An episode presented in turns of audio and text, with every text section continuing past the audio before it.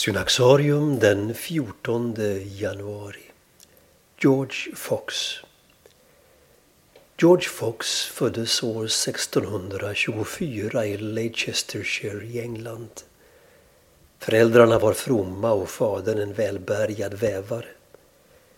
Redan som barn tog Fox sin kristna tro på allvar. Släktingarna tyckte att han skulle bli präst men han valde istället att bli skomakarlärling. Hans hederlighet och yrkesmässiga noggrannhet lät tala om sig, liksom den enkelhet som präglade hans liv. Fox blev ofta besviken på det religiösa livet i sin samtid. Omkring sig såg han hur människor bekände sig till Kristus utan att det påverkade deras liv. Det gjorde honom frustrerad och förvirrad. Manad av en inre stämma bestämde han sig för att lämna sin hemstad för att söka andlig klarsyn.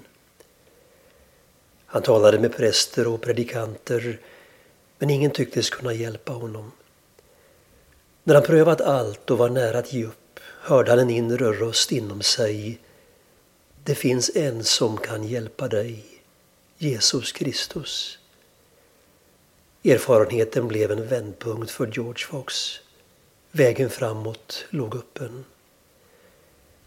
Den lära som Fox formulerade var präglad av hans besvikelse över den etablerade kyrkan och upplevelsen av att ha funnit sanningen genom en personlig upplevelse. Fox satte det andliga mot det konkreta i kyrkans liv. Ritualer och kyrkobyggnader var enligt honom hinder för anden. Bibeln beskriver han som sekundär i förhållande till människans inre ljus. Om hon bara följde detta ljus skulle hon nå samma insikter som Bibeln förkunnar. Fox började 23 år gammal predika offentligt runt om i England. Han mötte mycket motstånd och hamnade flera gånger i fängelse men fick också åtskilliga anhängare. Kretsen kring honom kallade sig vänner. Fox blev den självklare ledaren och visade sig vara en skicklig och förutseende organisatör.